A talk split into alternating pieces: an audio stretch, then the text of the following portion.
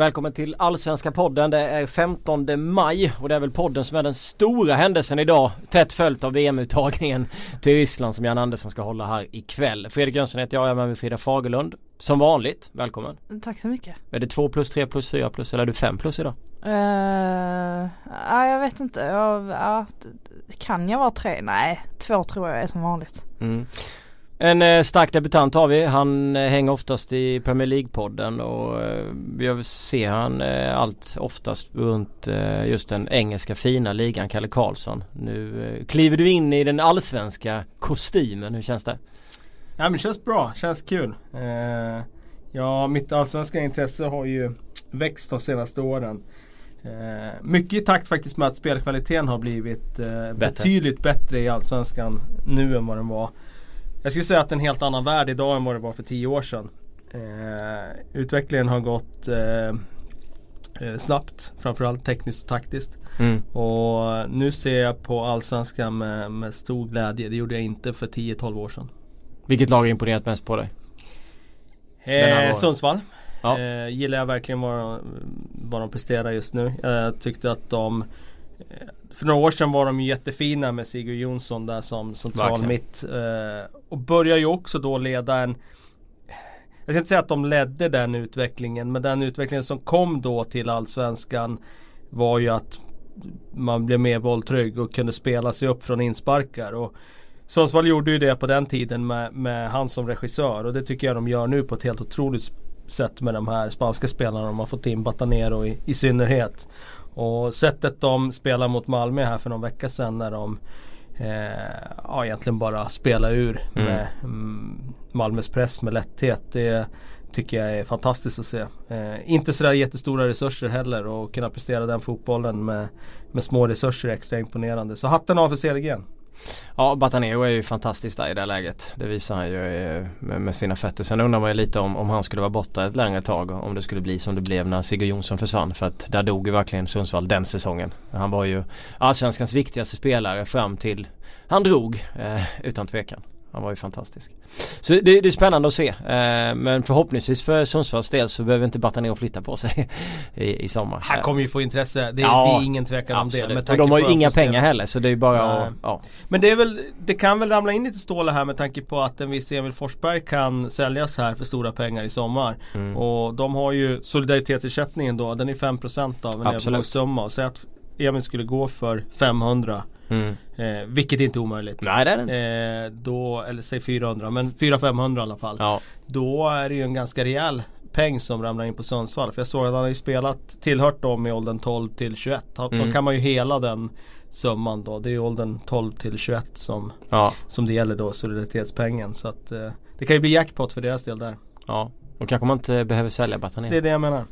Frågan om Malmö sugna på att köpa Batanero efter att haft stora problem att, att låsa fast honom. Blev överspelad av honom flera gånger när de satte press och nu har ju Magnus Persson fått sparken. Eh, förvänt, eller väntat med tanke på hur det såg ut eh, hur det, hur det har sett ut under våren. Eh, man är ju tvungen att agera i det läget. Spelet funkar inte, gruppen funkar inte. Spelarna ser mycket sämre ut. Eh, de pratar om saker som de inte gör på planen och så vidare. Det finns inte den här vinnarkänslan kring Malmö som har varit sen tidigare. Sen så tycker inte jag att allting ska läggas på Magnus Persson för att det finns en Daniel Andersson som nu kliver in. Det är lätt att vara sportchef i det läget och bara Jag tar bara över, jag frågar mig själv och så kliver jag in och, och blir, blir huvudtränare. Men han ska väl också få en hel del eh, kritik för Absolut och det, det, har han ju fått också. Ja. Eh, både från supporterled och från andra håll. Eh, det här är väl lite hans chans på något sätt. Eh, gör han det bra i den här rollen så har han ju lite räddat sitt, sitt eget skinn. Mm. Gör han det inte bra, ja, då vet jag inte riktigt vad som kommer att hända med honom i Malmö faktiskt. Eh, han reser ju sig upp i, i samma sekund som eh, Lasse Nilsen, TFFs version av Lasse Nilsson eh, krånglade in det där eh, segermålet så reste han sig bara upp på Vångavallen och klev rakt ut och då kände man väl lite att nu kommer det hända grejer. Eh, det kändes inte som att Magnus Persson hade speciellt långt kvar, det fick han ju inte heller. Nu är du ju eh, färgad TFF men eh, skulle man vinna, skulle man vunnit den matchen? Eller var det mer rättvist med ett kryss?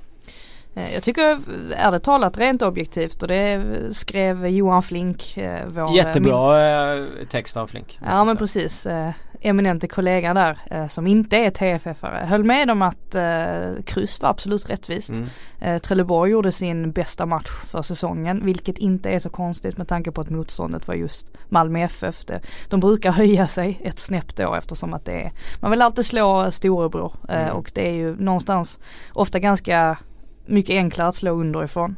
Eh, men jag tyckte det var en jämn match eh, totalt sett och bollinnehavet var jämnfördelat. Antal avslut, ja det är klart att Malmö hade några fler avslut men samtidigt så stod eh, Trelleborg upp bra. Rosenberg hade något läge där när han väl ska lägga in bollen men Marco Johansson gör någon sorts benparad mm. och får undan den. något annat läge där Marco tippar bollen över ribban som också var eh, också var bra men jag, jag förstod inte riktigt Markus Rosenbergs analys av matchen efteråt för att han pratade om att Malmö FF hade varit fullkomligt överlägsna och att det här var så fantastiskt eh, mycket bättre jämfört med cupfinalen. Eh, det tyckte inte jag, inte med tanke på vilket lag som stod på andra sidan. Eh, det väl klart att det såg fruktansvärt ut i finalen mot Djurgården men det var ju Djurgården ja, som stod på andra sidan. Nu var det Trelleborg som ska ja. slåss för ett nytt kontrakt. Ja. Och det ser ut så här. Det är, jag tycker lite oroväckande också när man, när man höjde sig själv på det sättet. För att det visar ju att då har han ingen självinsikt heller Nej. riktigt. Nej, jag känner lite att det hade ju sett bättre ut eh, mot Trelleborg om vi tre hade tagit varsin tröja med tanke på, om man jämför med kuppfinalen med hur dåliga de var just i, i cupfinalen. Eh, men jag håller med dig i din analys där att det ska ju se bättre ut än, än vad det var. Jag läste Flink, han, han skrev om det också. Och sådär. Eh, Kalle du är ju själv tränare i, i Karlberg och sådär när man liksom kör kör på den linjen och pratar i de termerna när, när alla spelare säger vet, saker som att ja men vi är bättre så att man inte riktigt in, inser man inte sin sjukdom. Är det det som blir lite av ens fall då eller? Alltså det kan säkert finnas ett mått av det. Samtidigt så när man är inne i en sån där period när det går verkligen tungt. Då får man ju försöka hitta också de där sakerna som eh, som man kan ta fasta på. Mm. Eh, för att liksom lyfta fram någonting positivt. Och det kanske inte är för att det är så man känner utan mer för att det är det budskapet man vill sprida inom gruppen. Att mm. det i alla fall finns någonting. Eh, men eh, det blir ju lite sådär menar, En match där eh, kan du ju skylla på att eh, ja, vi var överlägsna spelmässigt. I Göteborg hemma till exempel. Ja, två matcher kan du säkert göra det och tre matcher och sådär. Men sen när det kommer till att det blir ett mantra att det varje match är så. Då tyder det ju på någon slags oförmåga. Mm. Och eh, det är snarare en oförmåga tycker jag när det handlar om Malmö den här säsongen. De har inte de kvaliteterna som de hade i fjol. Eh, och det är snarare det snarare än att, att de har haft otur.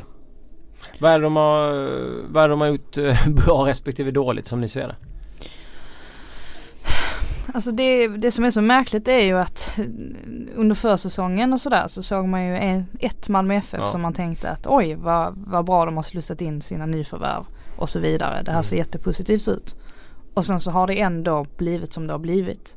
Men det ligger ju fortfarande någonstans på vilka spelare man har tappat kontra de man har fått in. Mm. Bachirou är ju en fantastisk spelare, det har han visat gång mm. på gång. Eh, men en mer defensiv sådan. Eh, bredvid honom så måste det finnas någon som kan ta det där offensiva jobbet. Eh, en kreatör som Anders Christiansen. Eh, och det har de inte riktigt. Men där har Daniel Andersson och Magnus som då valt att köra Lewicki. Mm. Och det är konstigt att de inte har sett det här som är där och har den, borde ha den kompetensen eller? Ja, men jag tror att de ser det. det är, jag tror inte att, att, att de inte ser det utan eh, jag tror det handlar mer om att man tappar de spelarna man tappar. Mm. Man får inte in de spelarna som man egentligen vill ha. Så där är ju den stora, precis som du är inne på Frida, det är ju där det stora problemet är att de tappar AC ersätter inte med i närheten av samma kvalitet. Eh, och så hamnar de i situationen att, ja men vilka ska spela centralt då? Mm. Bachirou, det är klart han ska spela. Du kan inte sätta honom på bänken. För han är en fantastisk fotbollsspelare. Ja. Och han är eh, en av lagets bästa spelare. Lewicki, vad ska du ha honom? Ja det blir ju där mm. bredvid. Han har ju spelat mittback någon match när det har varit tungt mm. där bak i försvaret. Men det är ju där på mitten han ska spela. Ja då har du ju ett mittfält med en väldigt defensiv balans. Och du har det problemet som du nämner med att det inte blir tillräckligt rörigt, eller rörligt och dynamiskt. Mm. Eh, och då blir det också, tycker jag, en sån där obalans med att ja, då skulle du behöva in en, en, en tia framför och lyfta bort en av De där ja. anfallarna. Ja. Men då ska du ha en av de anfallarna där de har väldigt många bra alternativ på bänken. Ja. Och spela med en av Rosenberg, Strandberg, Jeremejeff. Alltså du hamnar i en problematik när truppen inte är när du inte har skräddarsytt din trupp utifrån vad är det för behov vi har. Bredvid Bachirou ska vi såklart ha en, en mer offensiv, rörlig mm. spelare.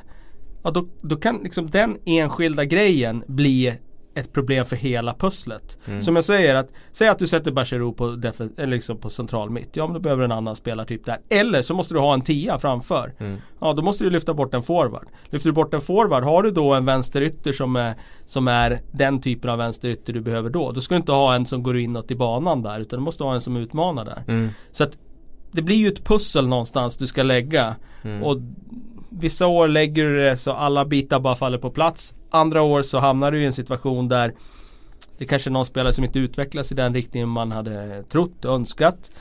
Eller så har du helt enkelt bara samlat på dig stora namn. Och sen tror man att tränaren ska lösa det. Ja. Vilket inte är så lätt alla gånger. Nej. För nu låg ju mycket på Traustason och Rex Precis. som var kanten. Liksom. Precis. De har gjort varsitt mål här efter 8-9 omgångar. Exakt och det är, där, det är det jag menar att de mm. har inte levererat. Nej. Men hade de levererat så hade vi väl suttit där och tyckt att Alltså när de slår Östersund i kuppen där alla tyckte att ah, de plockar bort Östersund här och så vinner de 1-0 och Det är så här ett mästarlag Det är så här man uppträder, kommer in i Allsvenskan, vinner i början och man tänker att ah, det här kommer rulla på. Ja, men jag tyckte det, som, det som var bra just i den matchen mot Östersund det var ju dels att försvaret var eh, fruktansvärt bra. Alltså mm. Bengtsson och Nilsson där ja. in, på mitten. Och sen var det ju också att Svanberg, Bachirou, att det samarbetet fungerade väldigt, väldigt bra. De plockade ju bort nästan allting Östersund ja. hade centralt.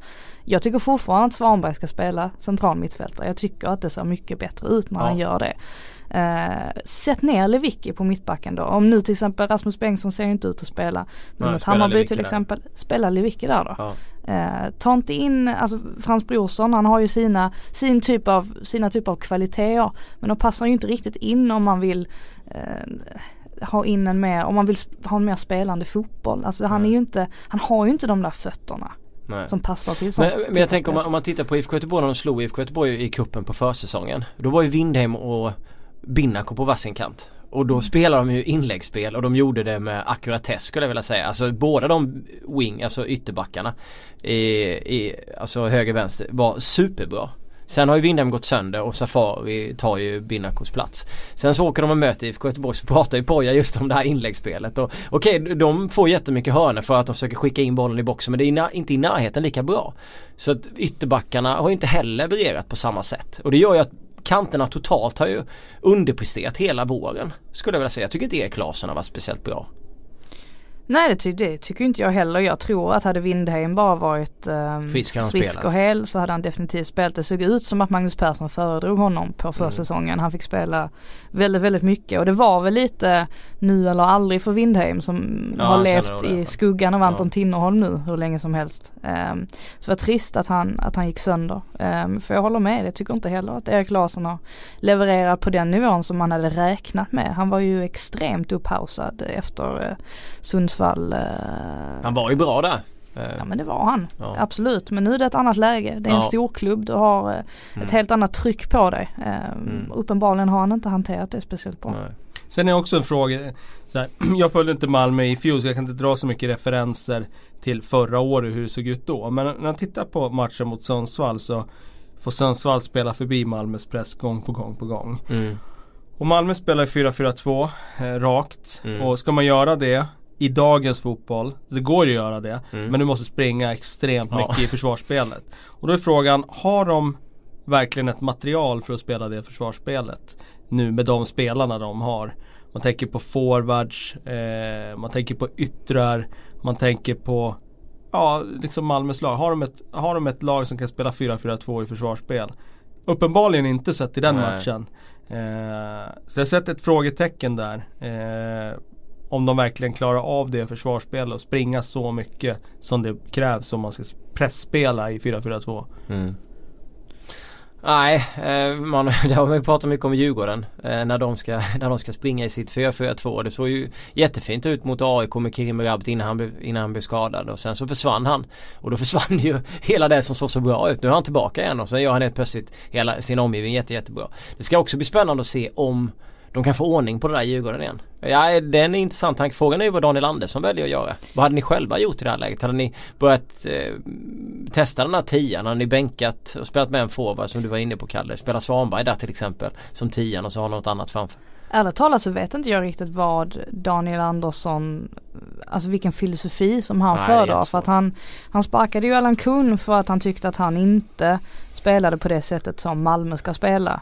Uh, och uppenbarligen tycker han inte att det här fungerade heller med Magnus Persson. Även om det nog var mer åt det hållet som han själv uh, mm. föredrar att spela. Så att jag har ingen aning. Kommer han liksom ställa ut en helt ny formation? Alltså, vet inte. Jag har ingen aning om hur han tänker. Ja, det blir väldigt spännande att se för någonstans, jag menar han i den rollen som sportchef som han har, han har ju byggt det nya moderna Malmö.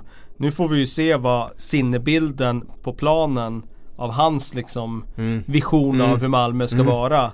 Hur det ska vara eh, hur det ska liksom se ut i praktiken. Sen är det ju bara tre matcher fram till sommaren så att eh, det blir svårt för honom att sätta det på plats så att det ska vara väloljat direkt men Jag tänker mig att kan få se det hemma mot Dalkurd efter att ha mött först Hammarby som är svåra och flyger fram på bortaplan. Och sen möter man ett av de här lagen som de inte har haft så lätt för Häcken också hemma. Så att jag tror att det blir svårt att se det. Eh, det man kanske får göra det mot Dalkurd som är lite mer eh, annorlunda i sitt eh, sitt spel på bortaplan. Sen vet man ju aldrig heller. Det är, det är ju alltid en, eller nästan alltid en positiv injektion i ett lag när en tränare försvinner. Mm. Eh, den kanske kommer redan imorgon. Det, det vet man ju aldrig. Eh, måste säga också att en spelare som har fått så fruktansvärt mycket skit men som faktiskt förtjänar att lyftas en del. Det är Bonke Innocent eh, som kommer in eh, i eh, matchen mot Trelleborg efter att Traustason blivit skadad och, och, faktiskt är lagets bästa spelare. Det har också blivit en liten sanning det där med att han är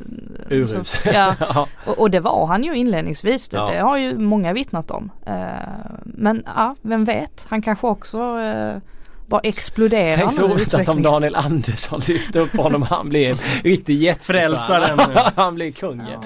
Sen när vi summerar och de har ändå spelat till sig en Europaplats i slutet av säsongen så är det Bonke som är topp tre på, på bästa spelare. Ja, det är inte ja, omöjligt men... nu när Bachirou är, är skadad och så. Ja. Men bara som avslutning på det här med MP och det så mm.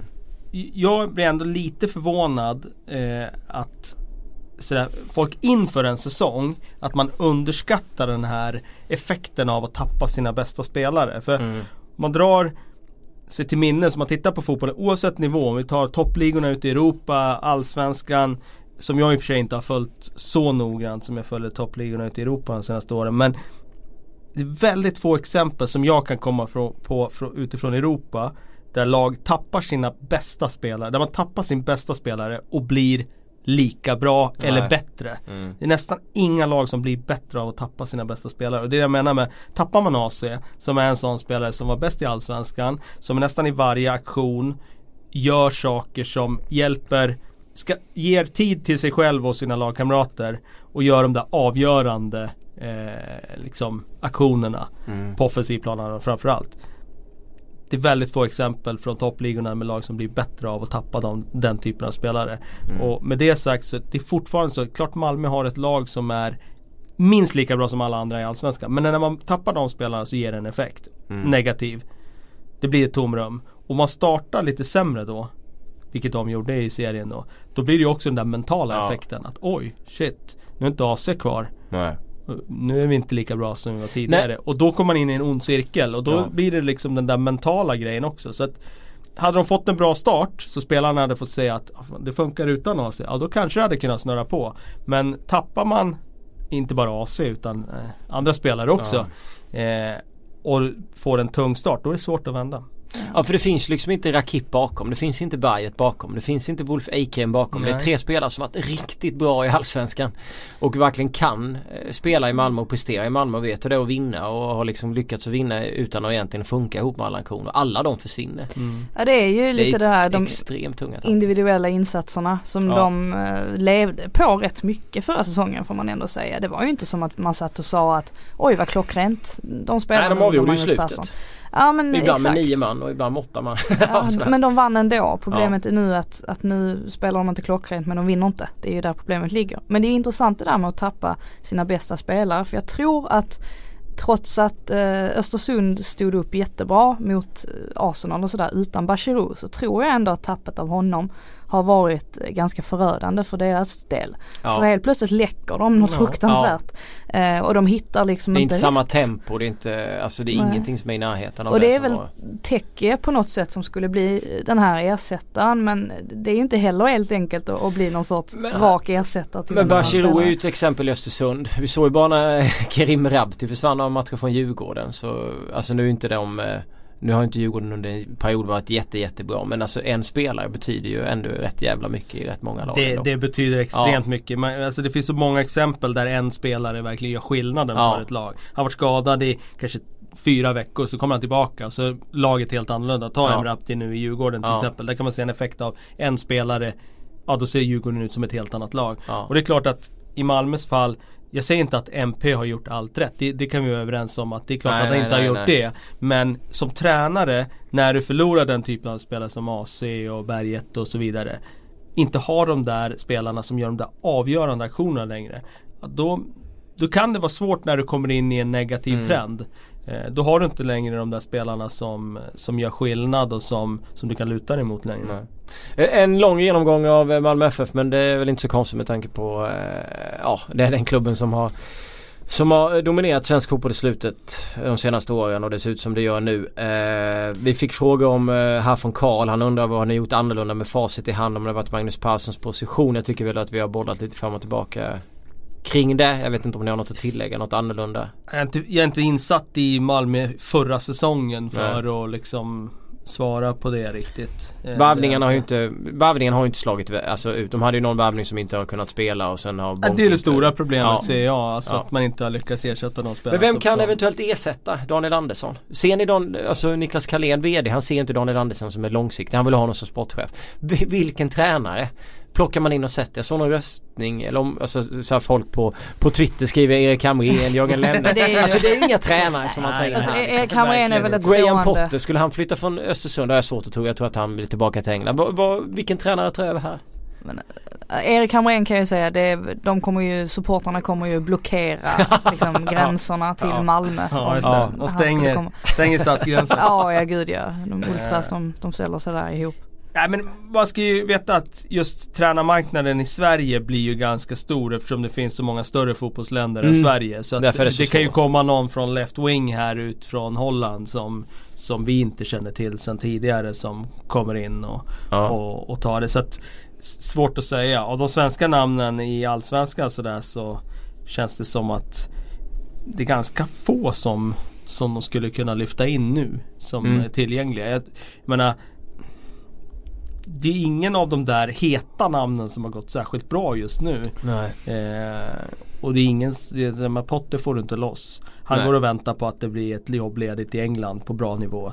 Ja. Helt säker på det. Ja. Så nej det är svårt att säga. Nej, jag har faktiskt inget namn. Ja frågan är om, jag kan tänka mig att det är så att man eh, gärna vill, inte vill lägga för mycket eh, vad ska man säga, press på, press. på Daniel Anderssons axlar nu utan låta, alltså börja känna på det och se hur det går. Och går det, kommer det gå bra nu, blir det en sån här kanoneffekt, då tror jag han blir kvar. Alltså hur länge som Patrik helst. Andersson? ja men varför inte, ta in, ta in hela Hela... Hur var det med teamet nu då? Går hela teamet där eller vad? Nej det tror det är bara MP som går? Jag tänkte med Jens Fjällström och Nej Jens och de fattar jag som är kvar. Ja det verkar ju som att de är, de är stående eller vad man mm. säger. Vi, vi släpper ett storlag. Vi ska komma tillbaka till eh, ett annat som toppar allsvenskan i, i Hammarby. Men vi, vi glider ner till Småland och, och Kalmar FF eh, som vann eh, igår. En ung kille som gjorde mål. De var med 1-0 mot Sirius. Jag trodde siffrorna skulle bli större. Jag var inte där för jag var och tittade på AIK Östersund som höll väldigt låg underhållningsnivå. Men du såg däremot eh, Kalmar på plats? Frida. Yes, mm. självklart var man på plats. Ja, självklart att du är där. Du bor här men du är nere där. Ja men absolut. Eh, nej men det var, det var intressant. Det var kul att se eh, Kalmar på plats. Eh, mm. Det har jag faktiskt aldrig gjort. Eh, inte i, eh, i Kalmar i alla fall. Ehm, jag tror att jag hade någon sorts bild av att det skulle bli en, bli väldigt tråkigt att se Kalmar spela fotboll. sådär. Men det tyckte jag verkligen inte. de stängde ner Sirius totalt. Det här kan nog ha varit en av Sirius sämsta matcher i år. jag tror inte Sirius hade ett enda avslut på mål. Eh, frågan är om de hade något avslut. Jag tror de hade ett som gick eh, ett, 20 meter över. Ja men precis. Från Sirelius var något skott tror jag. Um, så att uh, jag menar för det man tar med sig framförallt är väl dels att Romario är en fantastisk fotbollsspelare. Men också att uh, försvaret är så otroligt uh, solidt. Alltså ja. de, de blir så, varenda gång som Sirius såg ut att kunna börja anfalla, då var de redan hemma och redan så kompakta. Och det, det, spelade ingen roll hur många inlägg Larsson än slog från sin kant. Det nickade bara Gardius och Viktor en bort. Så att eh, det ser mycket, mycket positivt ut eh, i Nanne Bergstrands Kalmar och de, de har ju blivit det här supersvåra Kalmar igen. Den här borgen som man mm. inte har, som har saknat ändå de senaste säsongerna. Jag vet inte om du håller med Kalle, du har ju en liten soft spot för Kalmar. Ja det vet jag inte. Men jag var ju, var ju nere och hälsade på där förra veckan. Tog en sväng ner till Kalmar eftersom min lillebror Alla är i Kalmar! Alla, är, alla vägar bär till Kalmar helt plötsligt. Det ligger ju mitt, eh, eller ganska långt ifrån några andra egentligen storstäder men eh, Centrala punkter i världen. Min lillbrorsan har pluggat där nere i tre år så jag åkte ner och hälsade på honom. Och då tog jag en sväng förbi Kalmar FF och tittade till dem där nere. Och då det är klart när man är nere och känner lite på luften där nere så är det klart att man eh, får en liten soft spot sådär för dem och känner för eh, som det projektet som, som de håller på att bygga där nere. Jag tycker det som är häftigt med Kalmar tycker jag är att eh, när han är tillbaka, precis som du säger, då är de gamla Kalmar igen. Mm. Eh, svårslagna. Eh, men det de gör nu är att de släpper faktiskt fram väldigt många unga spelare ja. också. Mm. Och trots det ska jag säga, eller det kanske är fel att uttrycka sig på det sättet, trots det. Men de har inte något lag som är bättre än något annat lag i Allsvenskan på pappret tycker jag. Eh, framförallt inte nu när Rasmus Elm är, är skadad.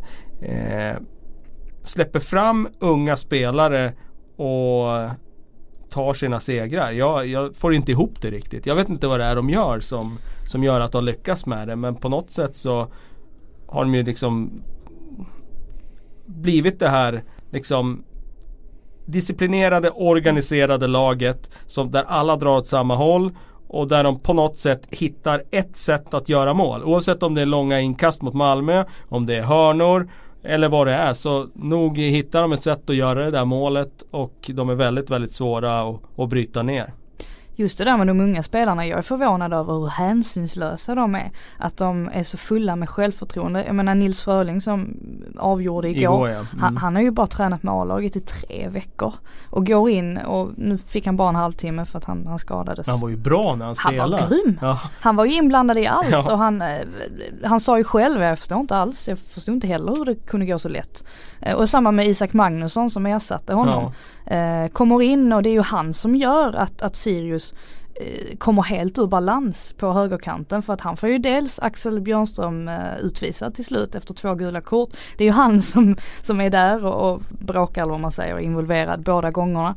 Eh, och man märkte verkligen att eh, han bara tog för sig. Det var liksom ingen, han bara körde på. Mm. Eh, och frågan Anne om det där på presskonferensen också och han sa ju det att ja, han svarar ju som han alltid gör liksom. Att, ja det är ju den med bollen som publiken ser och, ja, och eh, Isak har ju blivit en, lite av en favorit nu efter den här matchen och så var det ju såklart. Eh, men jag, jag var imponerad av dem. Eh, det är inte ofta man ser unga spelare komma in så och ta för sig. På jag tror pumpar i vad jag förstår där nere i Kalmar mycket i de här unga spelarna. Att, jag tror du skulle säga pumpa in något annat. Ja, precis, ja nej inte riktigt så. Inget vad jag vet i alla fall. Nej, nej. Eh, men just det där att eh, man ska känna en stolthet mm. över att spela mm. för den här klubben. Och många kommer ju från närområdet där eller mm. liksom Småland liksom. Och att man i alla fall ska liksom gå in och, och, och ta jobbet på, på, till 100% och det tycker jag de gör. Och man får imponeras. De spottar fram spelare.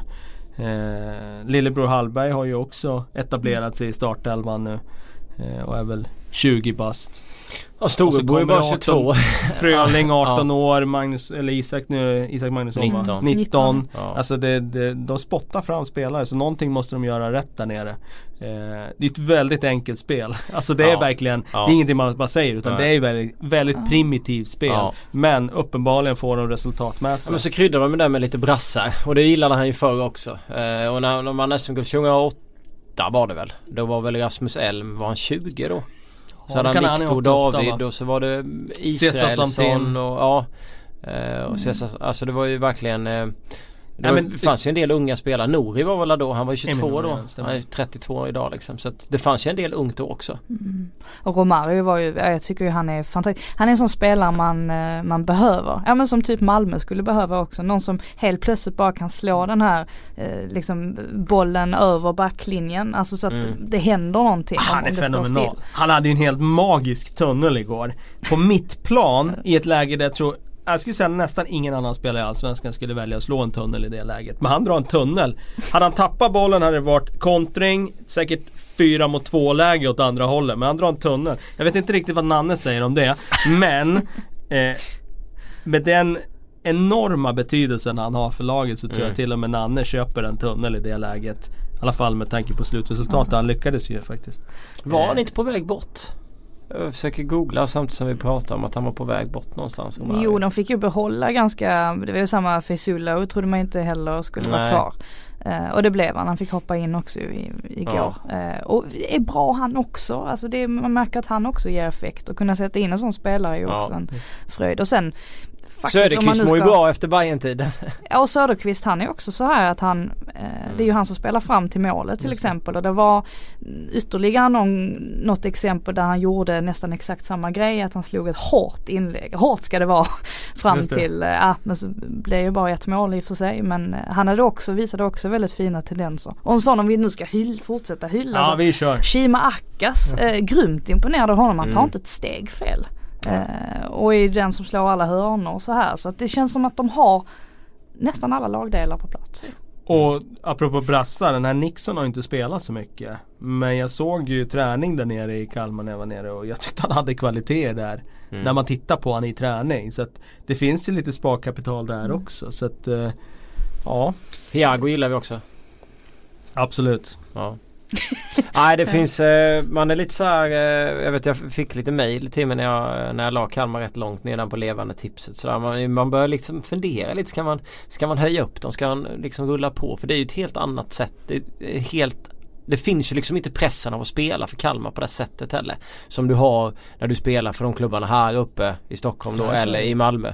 Och, Men det är en förlåtande miljö på Ja det och det verkar ju passa Måns Söderqvist. Det verkar ju passa Nanne Bergstrand bättre. Bröderna Hallberg. Ja, Bröderna Hallberg ja. trivs ju jättebra. Uppenbarligen är Fröling också som ja. går in och tränar tre veckor. Det är kul också för Hallberg som hade den här misslyckade sessionen utomlands. Som, ja, som inte blev något vidare och ändå, ja. Nu är det ju tid, tidigt in på säsongen och, ja, och jag vet jo, att jag, jag ska inte dra så här, jag jämför ju alltid med Premier League. Men det känns som att Kalmar är allsvenskans Burnley. Burnley. ja, ja. Jag får de eh, liksom vibbarna det här med Nanne vid rodret så här, en riktig Sean Dyche. Alltså någon som har, var, alltså kontinuitet och och eh, liksom Men kan de, skulle de kunna gå och vara med hela vägen in och i en guldstrid? Nej lugn, lugn. Ja, skulle... det, det var ju inte Burnley, de, de var med där liksom lite halvt så Ja, och det, och det är som Europaplats. Ja. ja men vi lägger Kalmar, de kan vara med och slåss om en Europa League-plats.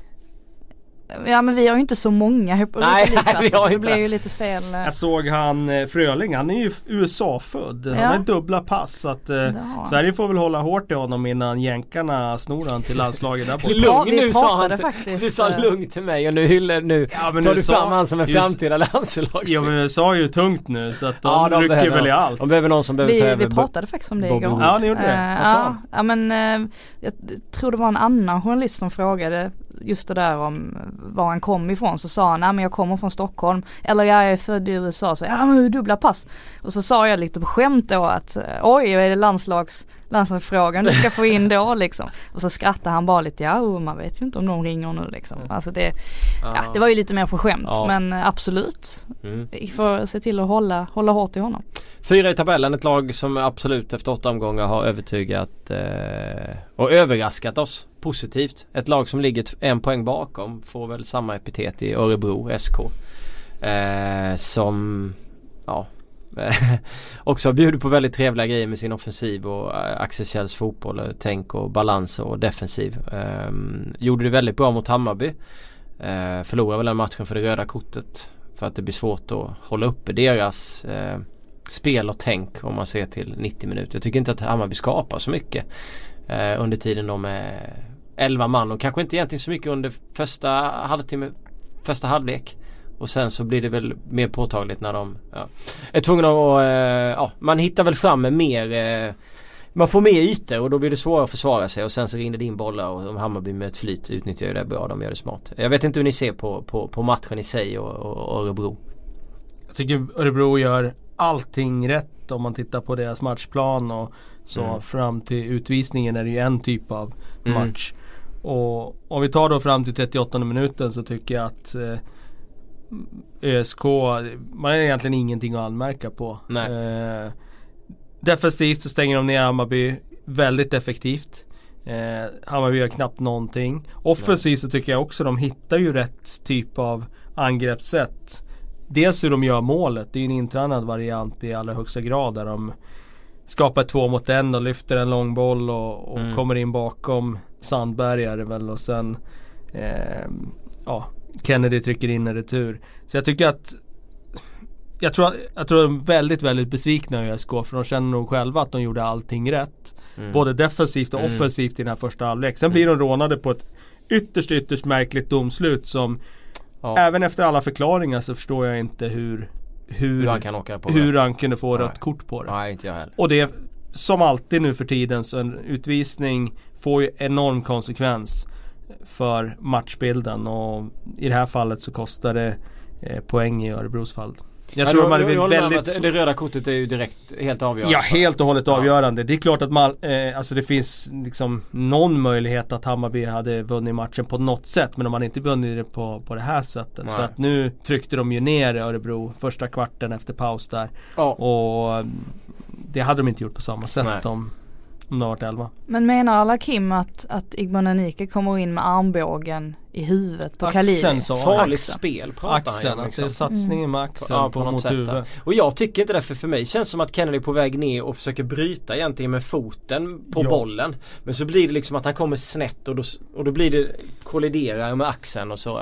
Ja, alltså jag tycker sjukt synd om, om Kennedy med. Vi hade den här situationen med den här avstängningen som vi pratade om tidigare. Som kom så här långt sent. Han fick fyra matcher. Fast och, du, precis. Är det inte därför kanske det här händer? Om man tänker att, att om, om en spelare börjar få det här ryktet om sig att göra de här fula grejerna. Men det är ju för jävligt om det skulle vara så. Den här armbågen i nacken på Ludvig Öhman den var inte snygg. Nej den förra var året. Nej. Eh, och den hade, den skulle resultera i en avstängning. Ja. Problemet var ju nu att det blev så långt efter. Ja, exakt. Men det känns lite som att i det här fallet kanske det är så att man förväntar sig att han ska göra någonting fult och så ja.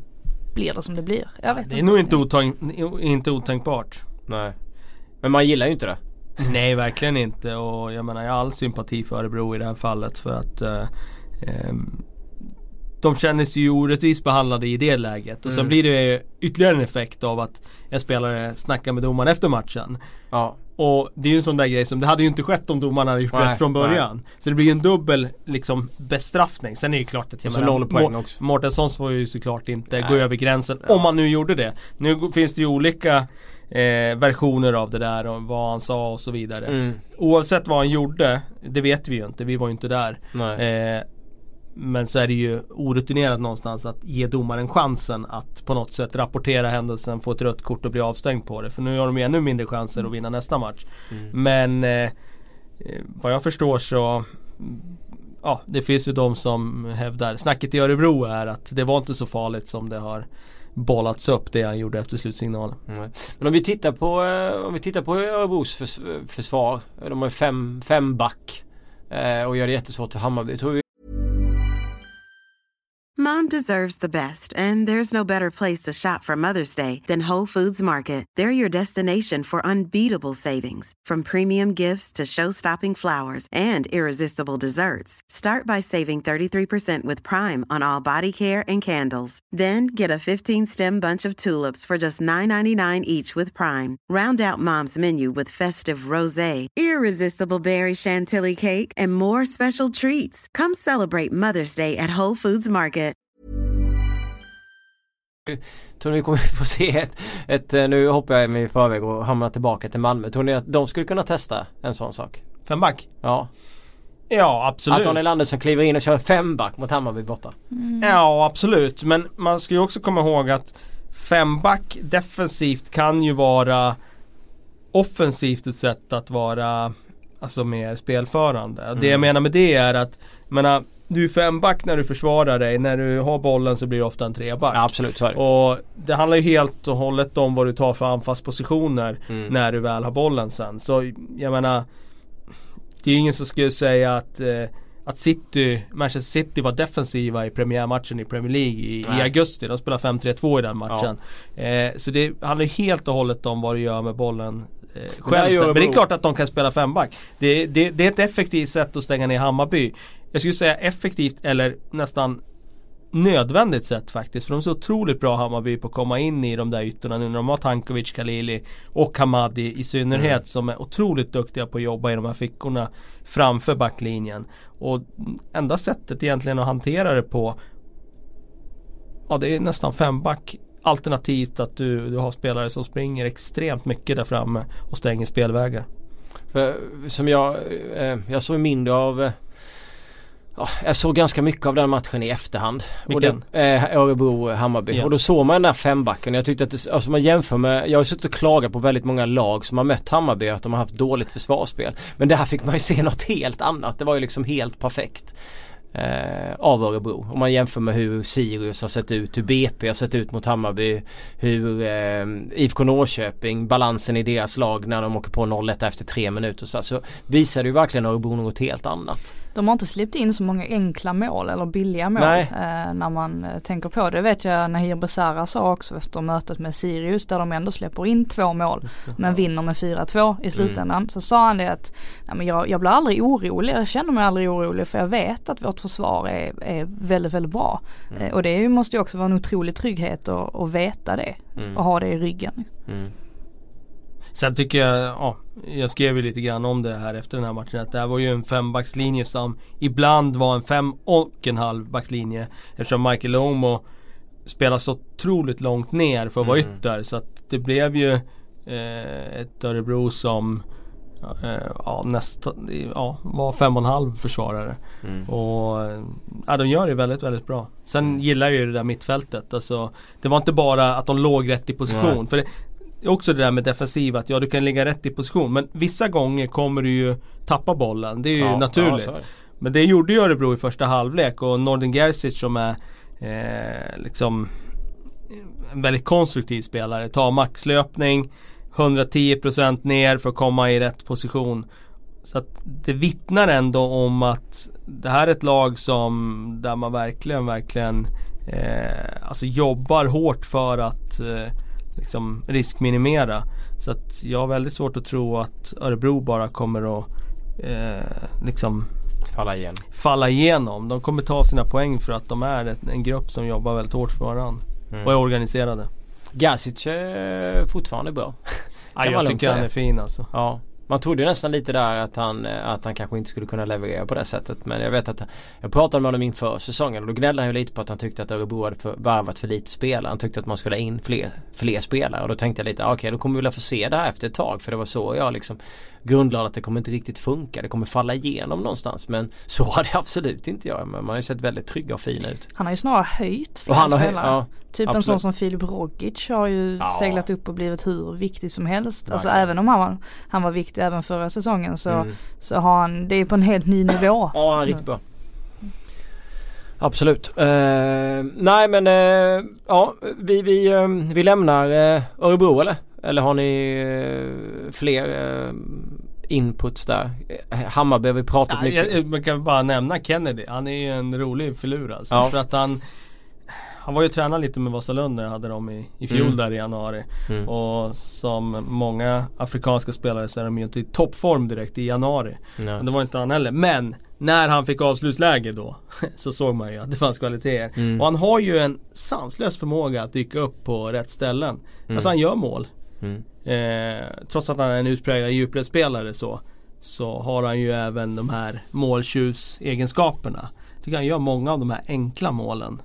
Alltså dyker upp på, ja, på rätt ställe. Ja. Mm. Ja, det förvånar mig lite för ja. när han var i Djurgården förut för länge sedan såg ju jag honom i alla fall eh, som en ren liksom, djupledsspelare, som mm. omställningsspelare. Mm. Men jag tycker han har kvaliteter i boxen och han är inte så lång men han kommer upp och nickar en del bollar jämte de där stora liksom långa mittbackarna då och då också. Nej, jag, delar, jag delar den åsikten. Jag tycker också att han ser liksom riktigt, riktigt farlig ut ofta. Jag tycker han gör bra grejer av bollen när han får lägen och sånt. Um, ja, eh, vi pratade lite GIF Sundsvall innan. Uh, sjua i tabellen ska bli intressant att se vad, vad, vad, de, vad de tar vägen. Eh, en sån som Batanero när, när vi pratar om hur, vilka klubbar ska vi sätta in honom? Är, är, det en, är det en person som till exempel, är det en spelare som Malmö FF nu ska öppna plånboken för i sommar? Vi köper Batanero, han ska komma in på mitten och lösa ah, Jag tänkte säga Real Sociedad alltså. Nya Xabi Alonso där nere i ja. Basken. Men skulle det kunna vara något för Malmö FF? Eh, Vågar de köpa mer från Sundsvall nu? Det verkar vara lite osäkert. Ah, det är ja, precis. De skulle ju tagit Danielsson kanske istället för Larsson. ja, ja, precis. Eh, det, det, vi kan komma in på Danielsson sen när vi pratar något annat lag sen kanske. Men jag kan mm.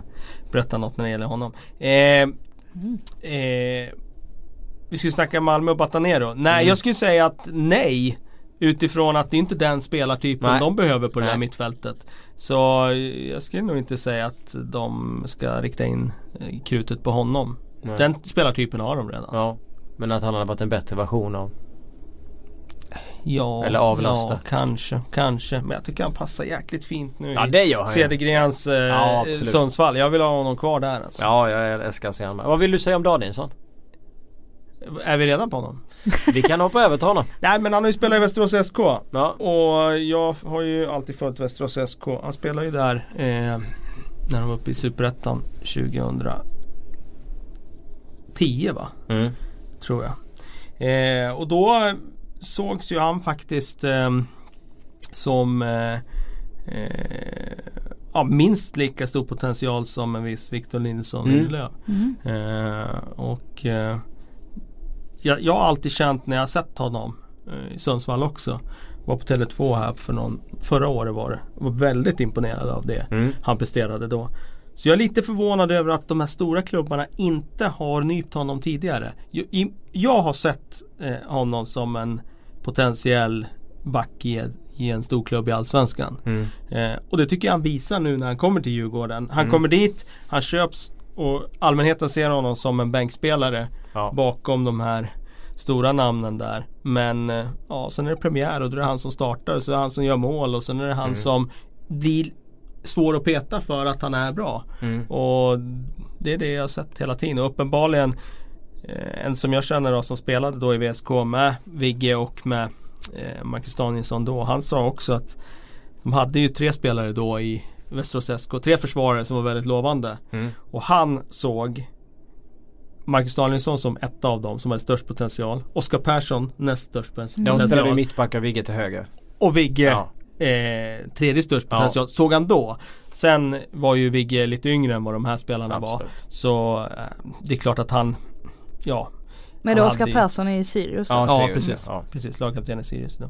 Nej men så var det. Jag, jag var ju där och, och snackade runt när vi gjorde knäck inför, inför um, Guldbollen i Sverige. Uh, uh, och då, eh, då snackade vi om liksom Just när han kom fram i Västerås och då sa ju de också det att det var Danielsson och Persson Det var mittbackarna och, och Vigge han fick ta ytter Han var ju först Han var ju också yttermittfältare men han var högerback och Jag vet i landslaget spelade han yttermittfältare och Emil Kraft spelade Man har bakom. svårt att se honom som yttermittfältare Ja jag vet men, alltså, men, men, det var så men, det var på den, ja. på den tiden och, och sen så blev det han som nu spelar mittback i, i Manchester United Så har vi Persson i Sirius, Danielsson i Djurgården Så jag, jag vet, jag har hört om det där Men det också. visar ju lite att man ska ha lite, lite inte flax på det sättet sättet men man ska ju ha lite flyt ändå, man ska mm. hamna rätt hela tiden. Alltså Nilsson Lindlöf har ju haft den, den ultimata vägen till United egentligen. Han har ju ja. liksom bara liksom trillade in i U21-truppen och sen så ja. blev ett namn för hela, hela Sverige. Det var ju skada som gjorde att han fick spela i Benfica också. Ja, men precis. Och icke att förglömma just det att han fick chansen att åka till Benfica ja. i tidig ålder. Ja. Alltså Portugals eh, spelarutbildning är ju tipptoppklass. Mm. Och bara få komma till en stor klubb som Benfica och få den skolningen. Det är för hans del tror jag liksom, ja, helt och, fantastiskt. Och, och ska man vända på det så har ju Danielsson om han nu, det snackades ju om Elfsborg, eh, men nu valde han ändå Djurgården trots att han visste att han inte skulle få vara första valet eh, mm. så direkt. Alltså i alla fall. Men han, han går dit och sen så har han lite lite tur där att Une Larsson blir sjuk så han får starta och helt plötsligt mm. så snackar alla om att han och Une Larsson är, är det bästa mittbacksparet i, i allsvenskan just nu ungefär. Alltså han har ju också haft flyt fast på ett helt annat sätt. Ja. Man måste nästan ha det ja, för att slå igenom. ja men så är det. Sen är det ju hur Vigge verkligen tagit chansen när folk har blivit skadade. Och det har ju med att han har en jävligt bra skalle. Eh, så det ska man ju ge. Och det gäller ju att ha den. Men det är absolut, helt sant. Jag menar inte att de inte förtjänar det. Jag menar att man ska Nej, ha lite. Men det gäller att ha flytet, det är sant. På tal om skalle kan jag berätta. Oskar Persson, han var ju nämnd här i sammanhanget. Ja. Han eh, kom ju upp i A-laget då när jag spelade i Idrottsbergs IF i Västerås då. Mm. Eh, och eh, vi skulle spela en match borta då. Gamla, ja det motsvarar division 2 idag då. Eh, vi hade typ 11-12 man borta till den matchen. Av olika anledningar, skador och allt möjligt. Mm. Och vi låg lite halvrisigt till. Och vi fick plocka upp två eh, juniorspelare eh, som inte hade varit i närheten. Eller en hade varit det men en, eh, vi behövde en, eh, en till. Och då, han var ju mittfältare men han fick spela vänsterback i den matchen. Och eh, vi var nederlagstippade men han går in, är bäst på plan. Eh, vi vinner den matchen, vi hade inte vunnit på 6-7 matcher då. Eh, och sen gick hans karriär bara, alltså den tog fart så jäkla fort efter det. Den hösten var han lagets bästa spelare, VSK värvade han direkt efter det och sen ja, har han fortsatt till Sirius i Allsvenskan. Mm. Coolt. Coolt, coolt. Eh, när vi är inne på Danielsson och vi, vi pratar om Djurgården. De har ändå tagit eh, en kupptitel med bravur. Eh, ja. Bosse Andersson kryddade det med en fantastisk intervju efteråt och sen har de slagit Dalkurd. Dalkurd. Dalkurd med 1-0 efteråt. Nu har det helt plötsligt vänt efter Jag vet inte om jag ska ta på mig för min pinne när jag körde där ute. Är det pinnen som Jag vet inte om ni såg det in, Jo jag har sett det. Jag tror jag har sett det två gånger. Ja du har det. Ja härligt. Nej men vi var ute där på träningarna med Djurgården och det Ja det, Vi var ju tvungna att åka ut två dagar i rad. För I, innan cupfinalen. Ja innan cupfinalen. Missuppfattningar och så satt eh, Özcan Melkemic och bröt en pinne framför Felix Beijmo för att illustrerat att som ett lag är man svårare att knäcka men som en individ är det, är det mycket enklare. Och efter det kommer en cuptitel och efter det så kommer det 1-0 mot Dalkurd. Men eh, jag tror inte att det var bara pinnen utan jag tror att det var mycket Krim Rabti för att han var tillbaka. Men, men det har verkligen, det har ju svängt över där eh, för Djurgården. Nu fick de ju en seger direkt också i, i, i Allsvenskan. Ja, det går snabbt i fotboll ja. som vanligt. Det är ena veckan så ska Öskan lämna och andra veckan så är han ett geni. Ja. Eh, man förstår inte riktigt själv. Det säger eh, något om samtiden. Ja, ja. precis. Eh, nej, det är väl klart att Marapti spelar roll. Det är väl klart att Malmös svaga form spelade in att man kunde vinna med 3-0 men Um, Apropå det där med tur, man ska möta lag i rätt lägen också. Uh, det var ju likadant för, för Trelleborg såklart. Uh, ja. Och möta Malmö i, i en svag form. Men jag tycker inte att Öskan är en dålig tränare som vissa vill få fram. Jag tycker Nej. att han är väldigt kompetent och, och liksom står ändå, jag tror att han just när det kommer till den här personliga biten och, och prata med spelarna just när man har den här typen av utvärderingsmöten efter att man eh, och har åkt på en förlust och så vidare. Jag tror att han är bra på, på ja. den biten. Eh, och jag tror att Magnus Persson inte var så bra Nej. på den biten. Så att det är ju och jag trodde, jag trodde Kalle skrattade. För att det var ju så att han gjorde de här grejerna inför Trelleborg. Jag vet att det skrevs Jag såg att det lät som det. Skrevs jag har hostat hela dagen. Det skrevs i andra, på andra sajter att Magnus Persson helt plötsligt började ha långa samtal inför Trelleborg för att det är det enda man hinner med. Och då hade Djurgården precis gjort det. Då tänkte jag ta han Öskans. Nej men jag tycker också, jag pratade om det tidigare, att Öskan hade ett helt annat spelarmaterial offensivt sett förra året och då funkade det bättre offensivt sett men det var ju för att han hade bättre spelare. Nu var han sämre spelare och då är det lite svårare för honom. Så att för mig är det en trupp det är en trupp som gör att Djurgården ligger där de ligger. De hade varit högre om man hade haft bättre spelarmaterial. Så. Ja, jag hävdar ju att eh, man får inte underskatta den aspekten. Framförallt när det handlar Nej. om det offensiva spelet. Ja. Ska du göra mycket mål då måste du ha bra individuella spelare. Mm. För det är individuella spelare som gör mål. Ja. Däremot är det kollektiv som försvarar. Ja. Och du har kvar Karim Rabti men däremot så har Magnus Eriksson, Ottman El Kabir, Kim Källström försvunnit. Mm. Eh, Tycker man har klarat av det väldigt bra. Alltså, ja förvånansvärt bra. Ja. Eh, skulle jag vilja säga. Så att eh, nej, det, det, är klart att det, det, betyder mycket för dem. Helt, eh, utan tvekan. Vi har gått igenom en, eh, ett gäng lag eh, nu. Det finns ju hur mycket som helst att gå igenom. Och vi måste ju någonstans också ta oss till, eh, jag tänkte säga Rambergsvallen men det får väl bli Bravida Arena. Häcken, Elfsborg. Elfsborg förlorar alltså med 5-0 och Alltså, ah, häcken vann med 5-0. Eller Elfsborg förlorade med 5-0. Sa jag väl? Eller sa jag inte det? Jag vet Ja Häcken vann med 5-0 i alla fall. Och, och äh, att vinna med 5-0 mot Elfsborg bara det är ju Alltså man undrar ju lite hur, hur Elfsborg mår. Sen när man ser på hur de här målen går till. Att det är två självmål. Gojani. Gult kort självmål, gult kort utvisning. Ishazaki. Självmål i 84 och däremellan då också tre, tre mål. Jag vet inte, ska vi börja på, på Häcken eller, eller Elfsborg? Den här matchen är ju vi börjar med det dåliga kanske. Ja det brukar bli så. Alltså Gojani han var högerback i början. Nu har han varit mittfältare på slutet och nu ja. Ärligt talat så är ju Elfsborg, alltså de gångerna de har sprattlat till nu inledningsvis så har det ju varit baserat på individuella kvaliteter. Mm. Till exempel i matchen mot BP, ett BP som jag tycker har allsvenskans sämsta trupp. Ja. Eh, där är det Jebalis skicklighet som gör att man gör 1-0 och sen får man in 2-0 sent när BP måste flytta upp och det lämnas luckor och så vidare. Eh, jag är lite orolig för Elfsborgs skull för att det är en klubb som Eh, inte har så mycket intresse kring sig vilket är märkligt med tanke på att man ändå har varit väldigt framgångsrika de senaste tio åren.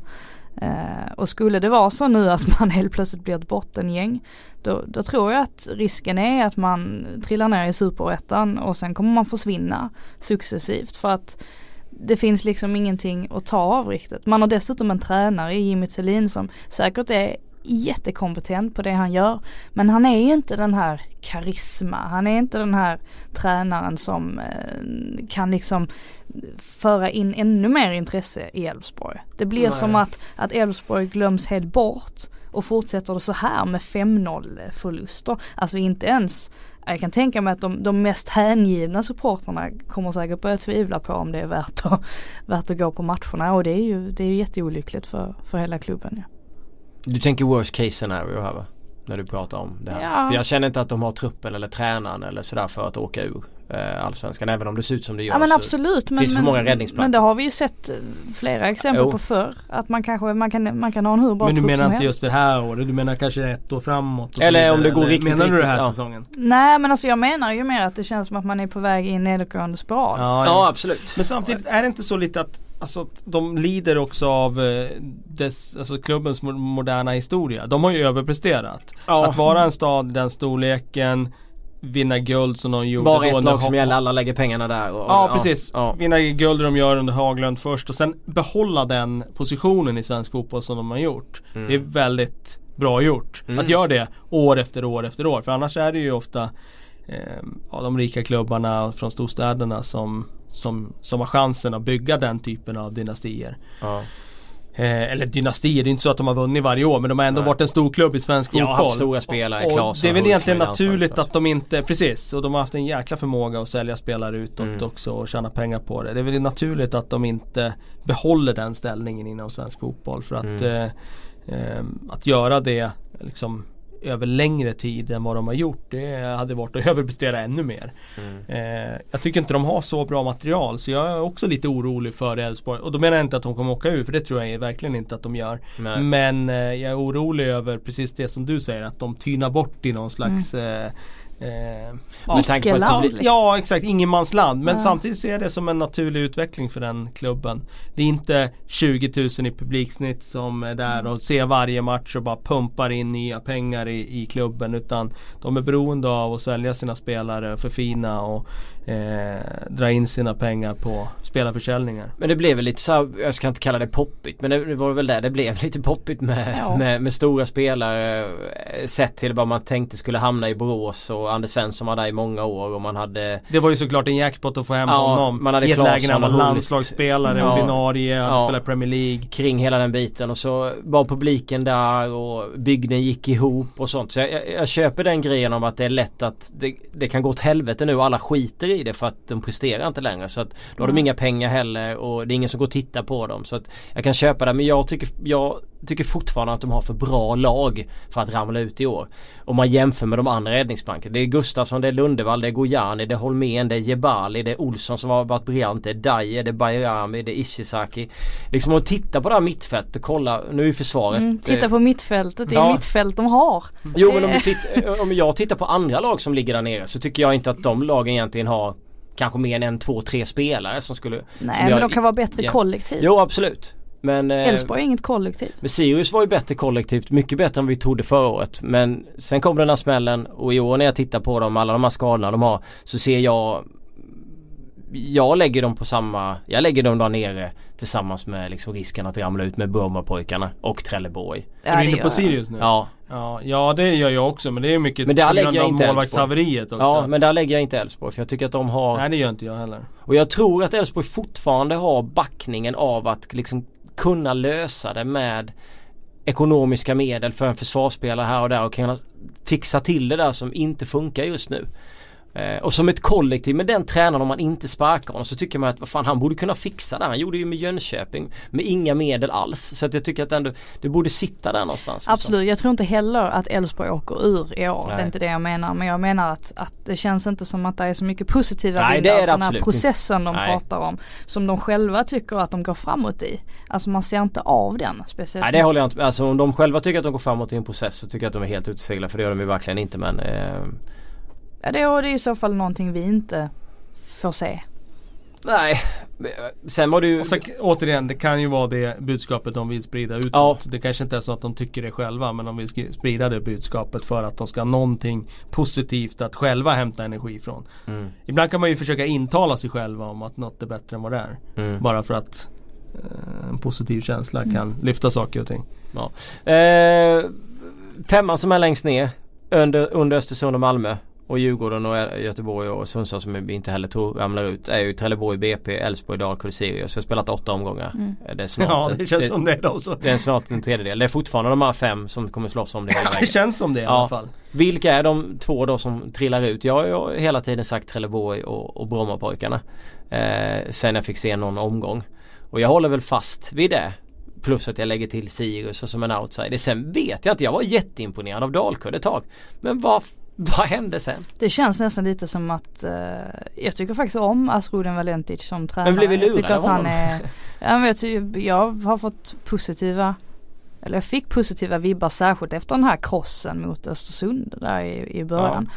Men uh, det är frågan om uh, de här uh, människorna eller affärsmännen bakom Dalkurd är speciellt nöjda med det här. Om det inte är möjligtvis är så att det kan bli en förändring i, i sommar på den jag utgår från att affärsmännen bakom Darkgird förväntade sig mer. Alltså mm. de eh, har ju pratat om ute i Europa och så vidare. De vill väl inte ta risken att de ligger här nere i träsket och riskerar ens att åka ur. Mm. Eh, så de kommer väl pumpa in vad jag det utgår ifrån mer pengar för att se till så att mm. de sopar igen, krattar igen gången och den risken. Eh, jag trodde att Dalkurd skulle vara mycket, mycket mer disciplinerat och organiserat. För det är det de har verkligen varit på den här resan upp. De Vilket sin... de var mot Östersund. Ja, och i den enskilda matchen kan man ju vara det. Men jag trodde de skulle vara, jag menar därför jag i allsvenska manager här satte in deras keeper som som min målvakt. För jag tänkte mm. de kommer inte släppa in så mycket mål. De kanske inte Nej. gör så många framåt men de kommer ja. inte släppa in så många. Men jag fick ju helt fel där och de har inte varit alls så kompakta som jag trodde att de skulle ja, vara. De såg ju trygga och fina ut där i början. Jag tyckte mot AIK så Just det. var de inte så dumma alls Nej. i deras mm. försvarsspel och, och sådär. Så det, det kan jag väl köpa att man, man blev eh, lite lurad och därför jag tänkte om man föll in i någon, i någon dalkullstrygghet som Jag vet vi fick en fråga om någon på, på Twitter som skrev att är ni, ja, är ni liksom övertygade om att Dalkurd kommer bli den bästa eh, nykomling som jag tror att jag suttit och sagt här. Men ja, jag tror det fortfarande men jag är inte lika övertygad som innan. Sen vet vi inte heller hur mycket det sliter på dem att behöva spela sina hemmamatcher i, i Gävle och, och så ha någon mm. sorts bas i Uppsala och så mm. som jag har förstått det är det väl rätt många spelare som inte bor i Uppsala utan liksom pendlar till Uppsala. Alltså, det, det, vet man ju inte heller hur, hur mycket det tär på en. Det kanske Nej. funkar i början men ju längre säsongen lider desto jobbigare blir det att hantera. Sådana där saker spelar ju också in. Jag vet eh, nu bara hoppar jag mitt i här men jag måste bara Du är bra på att hoppa. Ja, det... jag måste ändå eh, dra fram den. Vi har ju diskuterat det där. Vi har ju varit och tittat på Sirius eh, tillsammans och du var och tittade på Sirius någon gång där med liksom. Och Omar Hedari Han spelar ju inte. Men han är skadad just nu. Han är skadad just mm. nu va? Ja. Det är, det är ju en spelare som de inte har fått ut någonting av. Uh, nej det, det får man ju säga. Um, absolut. Nu vet jag inte när han kommer att vara tillbaka. Han kunde väl ha spelat i matchen um, i det första mötet med AIK på Friends. Okej. Okay. ja men då, det var ju då vi Ja just det, då kunde han spela. Ja just det, då var vi det. Men då var han bara besviken över att han inte fick spela. Um, precis. Ja, riktigt besviken var han Sen dess har han dragits med skador precis som 99% av hela Sirius ja. trupp ja. för tillfället gör. Uh, nej men absolut, han ser också som en stjärnvärvning. Uh, ja. och ja, det är klart att det finns mycket att, ta av honom. Um, som sagt vi får se om han hinner komma tillbaka nu innan, innan uppehållet. Det vet jag faktiskt inte. Jag har ingen koll. Men jag såg Sirius mot AIK där, hemmamatchen där. Mm. Tyckte jag spelade otroligt bra. Mm. Första halvlek då. Ja hemmamatcherna, ja. ja. Okay. Eh, vi snackar om bortamatcherna. Och Christer mm. Gustafsson såg ut som Batanero i den matchen. eh, men eh, det blir ju ändå någonstans att man landar i att Wix har ju verkligen eh, satt det här laget på pottan. För att ja. alltså, tryggheten bakåt, även om de liksom spelar bra och sådär så tryggheten bakåt har ju inte funnits. Nej. Och det är klart att det inte finns det om man ställer målvaktstränaren mellan stolparna. Eh, Även om han kanske inte har gjort bort sig och liksom stått och tvålat in bollar och sådär. Så det blir i alla fall inte samma trygghet. Nej. Så jag tycker lite synd om Sirius. Jag lider med dem liksom för att det har blivit det här. Nu eh, fick ju Wulf göra sin första match i, igår mot, mot Kalmar och eh, han gjorde ju någon riktigt bra räddning, alltså dubbelräddningar där i början. Sen höll han ju på att göra en jättetavla. Okay. Det, han räddades ju av eh, offside avblåsningen där. När han liksom tappar bollen och, och den spelaren som kommer rusande där, jag vet inte vem det var, riktigt om det var Diouf eller vem det var. Eh, bara slår in den men som tur var för, för Wulfs del så var han offside så att det, det är ingenting vi noterar. Eh, så det är klart att man ser att, att han Eh, lite rostig så. Ja precis. Mm. Eh, även om han inte gjorde, gjorde bort sig så tillvida och absolut inte på målet. Det kunde han ju inte göra någonting åt. Men jag håller med också om det här med att um, försvaret har läckt alldeles för mycket. De släpper in, de släpper in billiga mål. Uh, särskilt i matchen mot uh, Örebro där de släpper in fyra stycken. Ja. Jag tycker åtminstone tre av dem. Det är sådana mål som man inte ska. Alltså det första är att Björkström råkar styra in ett, ett halvdassigt skott från ja men Kennedy och, och sen så det här alltså Besaras mål i slutet. Det är väl klart att man kanske inte kan göra någonting åt det så men, men han får ju komma igenom väldigt, väldigt enkelt. Ja, jo, det får jag. Uh, så det är rätt många, rätt många sådana där situationer som, där man tänker att de där bollarna kan man inte släppa in för då spelar det ingen roll hur många man gör framåt. Nej, nej sant. Så du måste fixa till det om det ska bli något nytt kontrakt. Erik Gloppestad frågar hur bra står sig André Kalesir internationellt? Internationellt, ja. Alltså, passningsfot står, den är ju internationell klass om man säger som mittback. Ja. Det tycker jag nog. De crossbollarna är ju väldigt, väldigt bra men eh, det finns ju om det går ut internationellt så finns det ganska många mittbackar som, mm. som har en liknande crossfot. Så att internationellt, ah, Nej, jag vet inte. Internationellt, inte något speciellt. Inte något som sticker ut där. Nej, allsvenskan bra men Väldigt bra i allsvenskan. Ja. Jag är ju jätteförtjust i honom och IFK Göteborg kan ju spela på ett sätt tack vare att de har Kalle i den där backlinjen. Mm. Men eh, internationellt så tycker jag väl inte att han redo för den flytten än.